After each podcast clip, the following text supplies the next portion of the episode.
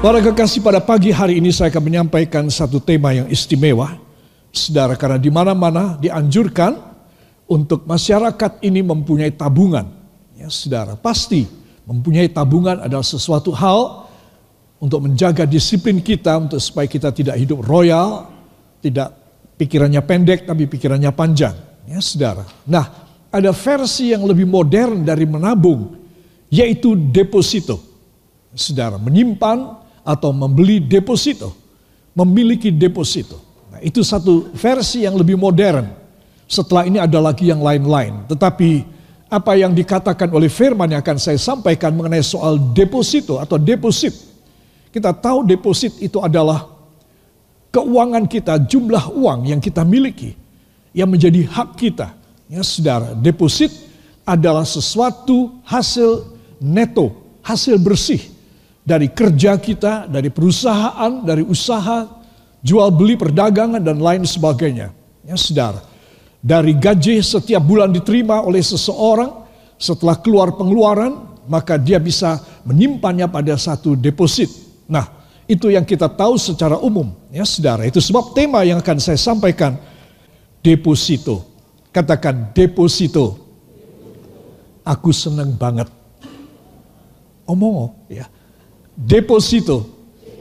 Aku senang banget. Ya. Tolong tengok samping saudara. Kalau kamu suka apa enggak gitu. Kalau enggak suka kasih sama aku gitu ya. Para kekasih. Nah, semua orang menghendaki deposito. Semua menghendaki ada sesuatu yang bisa ditabung, yang bisa disimpan dan menghasilkan. Saudara, dan itu Yesus juga memberitahu ketika Yesus memberikan perumpamaan dan orang mendapat uh, ada tiga hambanya mendapatkan tiga jumlah yang berbeda. Si A mendapatkan sepuluh ya sepuluh talenta, si B mendapatkan lima talenta, si C mendapat satu talenta. Si C mengatakan majikanku adalah majikan yang jahat. Dia mendapat sepuluh, dia mendapat lima, aku mendapat satu. Udah tak pendem saja dalam tanah. Jadi satu talenta dis, dimasukkan dalam tanah dan dia tidak mau kerja. Ya, saudara, ketika tuannya datang meminta tanggung jawab, dia mengatakan, bahkan dia berani mengatakan tuan-tuan yang jahat. Tidak kerja minta hasil. Jadi aku simpan saja di bawah tanah. Modalnya itu satu talenta. Saudara, Tuhan berkata, kenapa kamu kalau kamu tidak mau bekerja, kamu bisa memberikan kepada bank atau kepada sesuatu lembaga untuk bisa menghasilkan uang. Ya. Nah, saya berhenti dari perumpamaan ini di situ. Jadi Tuhan menghendaki kita mempunyai deposit. Katakan Tuhan ingin saya punya deposit. Bukan hanya dalam bentuk rupiah, tetapi dalam bentuk rohani supaya segala sesuatu hidup saya semakin luar biasa, deposit rohani harus nomor satu. Ya, jadi deposito rohani kita harus nomor satu. Saudara setuju demikian? Ya, kalau saya setuju, maka saudara dan saya akan bisa mendapatkan yang lebih banyak. Jawaban doa, mujizat, pembukaan jalan, promotion kalau saudara bekerja, dan lain sebagainya. Saudara, itu sebab dari kata deposito ini saya mengembangkan dalam tema kita adalah Tuhan mau memberi deposito yang yang wow banget. Ya, katakan Tuhan mau memberi saya deposito yang wow banget. Ya, kelihatannya kita kurang gerakannya ya. Kalau kurang gerakannya, kurang mantep. Katakan, Tuhan mau memberi saya deposito yang wow banget. Yang wow banget. Yaitu deposito rohani di dalam hati saya. Beri tepuk tangan bagi dia. Haleluya. Nah, saudara inilah yang akan kita dengarkan dan kita akan pelajari. Jangan sampai lupa ya supaya berkat saudara berkelimpahan dari Tuhan. Para kekasih ada dua buah ayat yang akan kita buka dari Alkitab kita. Dari Matius pasal yang ke-13, ayat yang ke-11 dan ayat yang ke-12. Matius 13, ayat 11 dan ayat yang ke-12. Siap? Matius 13, ayat 11 dan ayat yang ke-12. Satu, dua. Jawab Yesus, kepadamu diberi karunia untuk mengetahui rahasia kerajaan sorga. Tetapi kepada mereka tidak, karena siapa yang mempunyai, kepadanya akan diberi, sehingga ia berkelimpahan. Tetapi siapa yang tidak mempunyai, apa pun juga yang ada padanya akan diambil daripadanya. Amin. Para kekasih, kalimat ini agak sulit pada ayat yang ke-12 ya. Ayat yang ke-11, kepadamu diberi karunia. Katakan, kepada saya diberi karunia untuk mengetahui rahasia kerajaan sorga. Saudara ini luar biasa. Tuhan berkata kepada orang lain aku tidak kasih. Tapi kepada kalian yang setia kepadaku. Bukan hanya pada 12 murid. Tapi pada semua jemaat yang Yesus pimpin dan Yesus gembalakan.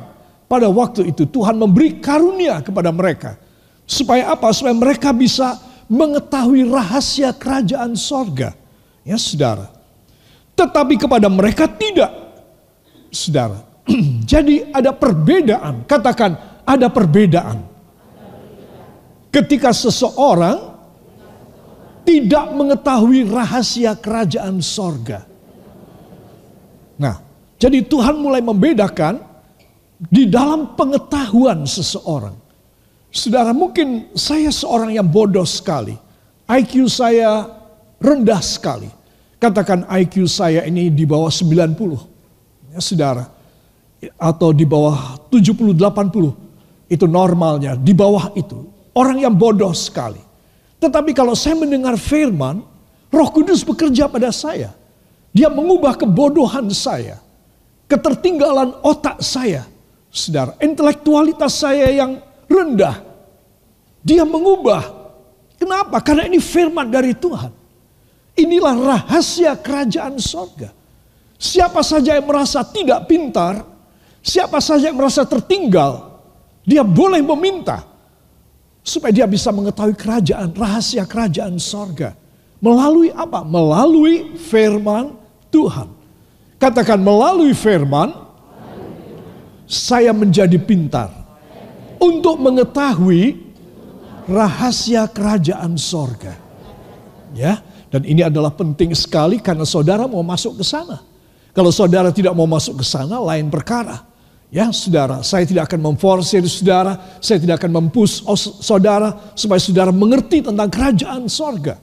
Tapi karena kita semua mau masuk ke sorga, Amin. Ada yang mau masuk ke sorga, tolong angkat dua tangan. Katakan Tuhan Yesus, karena saya kepingin masuk sorga, ajari saya, beri pengetahuan dari firman, supaya di dunia saya memiliki deposit yang banyak, ketika meninggal masuk ke sorga saya percaya saya mendapatkannya. Deposit yang banyak dan kerajaan sorga. Amin. Haleluya. Ya, tidak boleh lupa mengenai soal ini. Ayat 12. Karena siapa yang mempunyai kepadanya akan diberi. Ya. Oh begitu, kalau aku punya aku akan diberi. Kemudian kalimat kedua. Sehingga ia berkelimpahan. Kalimat kedua, tetapi siapa yang tidak mempunyai, apa pun juga yang ada padanya akan diambil daripadanya. Apa maksud kalimat kedua ini? Siapa yang tidak mempunyai, mempunyai apa? Deposit rohani. Kalau saya tidak punya deposit rohani, apa saja yang ada pada saya, apa? Ya, kesehatan saya, kebahagiaan saya, kesuksesan saya, uang saya yang banyak barangkali. tanda jasa saya yang luar biasa kepada negara barangkali. Semua dicabut oleh Tuhan. Dan pada akhirnya nyawa saya dicabut untuk dimasukkan dalam api neraka. Saudara. Nah, jadi di sini kita melihat rahasianya adalah pada sesuatu yang kita harus miliki supaya apa yang masih tersisa dalam hidup kita tidak dicabut oleh Tuhan. Jadi kalau kita tidak punya deposit ini, saudara, maka kita akan habis-habisan. Akhirnya nyawa kita menjadi milik daripada kerajaan neraka. Saudara, tetapi kalau kita mempunyai, katakan bila saya mempunyai deposito, yaitu deposit rohani, Justru saya akan ditambahi sampai berkelimpahan. Amin. Saudara. Jadi di sini kita melihat deposit ditambahi masuk kerajaan sorga. Apalagi yang saudara kurang? Apa yang saya kurang? Saya mau protes, apalagi saya kurang puas, apalagi. Ya, tidak ada lagi. Karena di dunia Tuhan memberi kepada saya deposit rohani sehingga saya bisa hidup berkelimpahan dan ketika meninggal saya masuk ke dalam sorga. Siapa yang kepengen? Beri tepuk tangan bagi dia. Haleluya. Inilah yang akan kita pelajari para kekasih. Saudara deposito dari kata deposit, saudara. Dan saudara melihat ada yang mempunyai sedikit ya di gambarkan disimbolkan dengan koin yang sedikit, ada yang lebih banyak, ya saudara, ada yang lebih banyak, ada yang banyak, ada yang sangat banyak. Saudara, ya sudah tentu yang kecil ini yang cuma sedikit, kepingin mendapat yang banyak ini, yang besar. Saudara, semua orang kepingin demikian. Ya, saya dan saudara juga demikian. Amin apa tidak? Ya, itu sebab kita harus belajar tentang deposit rohani. Supaya ketika kita meninggal dunia, kita meninggal dengan puas. Kita masuk dalam kerajaan Allah. Berjumpa dengan juru selamat kita. Amin. Nah, para kekasih, apa sih maksud kata deposit tersebut? Saudara, kata deposit itu mempunyai definisi saya ambil definisi yang yang untuk kaum awam ya, bukan untuk mahasiswa atau untuk untuk sarjana ekonomi. Deposit adalah jenis tabungan berjangka dengan ikatan janji dan bunga yang pasti. Itu deposito, saudara. Ya, setelah ada deposito maka kemudian dalam dua dekade 20 tahun terakhir itu muncul instrumen-instrumen investasi yang lain, yang lebih canggih, yang lebih modern, ya saudara. Tetapi mempunyai riski, risiko tinggi. Umpamanya jual beli saham, itu pun masih dibagi dengan low risk, risiko rendah, medium risk, risiko menengah, atau high risk, risiko besar. Untungnya besar, tapi resikonya jeblok lebih besar. Saudara, kemudian berkembang lagi. Sehingga sekarang kita melihat dan kita mendengar tentang mata uang kripto dan lain sebagainya. Saudara, orang hanya mencari deposit untuk hidup sekarang di dunia. Mereka tidak mencari deposit untuk bisa masuk ke dalam sorga. Ya, itu sebab saya dan saudara harus belajar tentang tabungan ini tabungan berjangka. Saudara, kalau di bank ada deposito satu bulan, tiga bulan, enam bulan, dua belas bulan. Kemudian bisa diperbaharui lagi dengan fixed rate. Dengan rate yang tetap. Nah ini. Tetapi dengan ikatan janji. Ada akadnya, ada ikatan janjinya. Jadi ini beda dengan menabung. Menabung saudara masukkan uang di bank, sewaktu-waktu saudara tarik. No problem. Saudara tidak mendapat denda. Tetapi saudara mempunyai untung bunga yang kecil sekali. Tetapi kalau saudara masukkan dalam deposito, ya saudara, maka saudara mendapatkan bunga lebih besar dan tidak tergantung dengan situasi ekonomi di negara kita, tidak tergantung dengan situasi ekonomi dalam kota kita. Pokoknya ya aku tiga bulan dapatnya ya segini. Tidak bisa. Negara mau bangkrut kah? Aku tetap dapat segini. Ya, saudara. Nah ini satu contoh. Dengan ikatan. Tidak boleh diambil sebelum jangka waktunya. Itu deposito. Bunganya pasti ada akad janji. Ya saudara. Sehingga ini beda dengan tabungan. Seringkali kita cuma memikirkan tabungan. Ini milikku. Tak ambil, keluarin, ya masukkan lagi, ambil lagi. Ada ada uang sisa, masukkan lagi, ambil lagi. Saudara, itu tidak menjadi terminologi rohani. Ya saudara, terminologi rohani ketika saya dan Anda hidup di dunia harus mempunyai deposit. Kalau kamu mempunyai Tadi sabda Yesus yang kita sudah baca, maka aku akan menambahi kamu sampai berkelimpahan. Katakan, bila saya mempunyai deposit rohani, Tuhan berjanji, Tuhan berjanji memberi berkat kepada saya sampai berkelimpahan. Beri tepuk tangan bagi dia. Haleluya. ya, saudara, jadi ini penting sekali ya. Ini ini prinsip dasar dari yang membedakan tabungan dengan deposit. Ya, saudara. Sikon dunia seperti apa pun, negara seperti apa pun. Ya, saudara. Tetapi orang yang mempunyai deposito tetap menerima keuntungan seperti perjanjian itu. Nah prinsip deposit ini kemudian oleh negara-negara, pemerintah-pemerintah semua negara termasuk Indonesia diterapkan dengan mengeluarkan surat hutang negara, sun. Surat hutang negara. Prinsipnya adalah deposito, saudara. Jadi kita bisa memberi pinjam kepada negara kita Republik Indonesia sejumlah berapa uang yang ditetapkan, saudara mendapatkan fixed rate, saudara mendapatkan bunga yang tetap, negara mau bangkrut, mau apa, tetap saudara punya bunga akan dibayarkan kepada saudara. Nah, jadi orang yang mempunyai deposito dia lebih aman dan lebih terjamin, saudara. Karena tidak peduli keadaan ekonomi negara seperti apa pun, dunia seperti apa pun, aku pasti dapat hasilnya.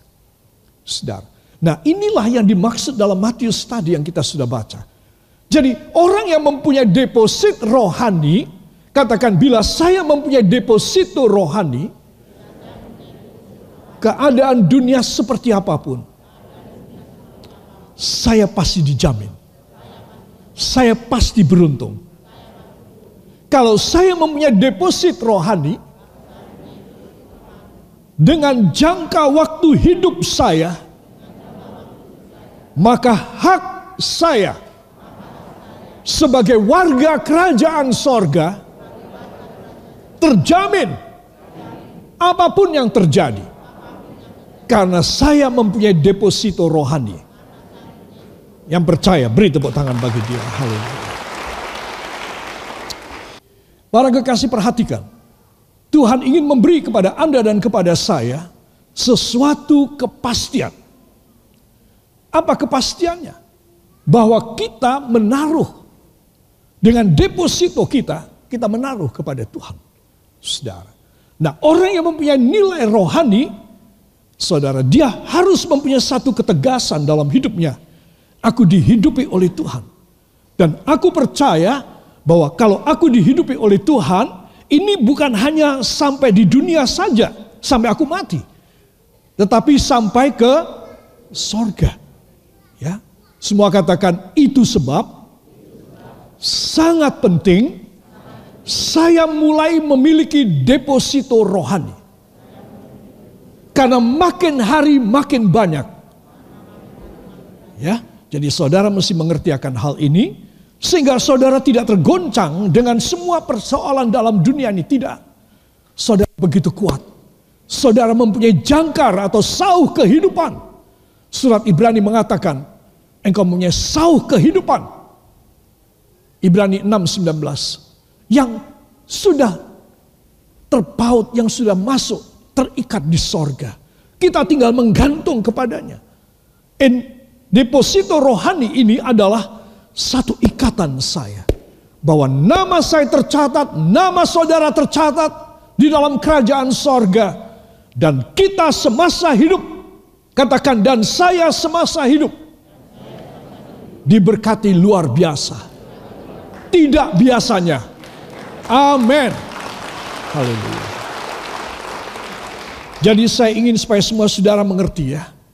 Rahasia ini. Bagaimana Tuhan bisa memberkati saudara.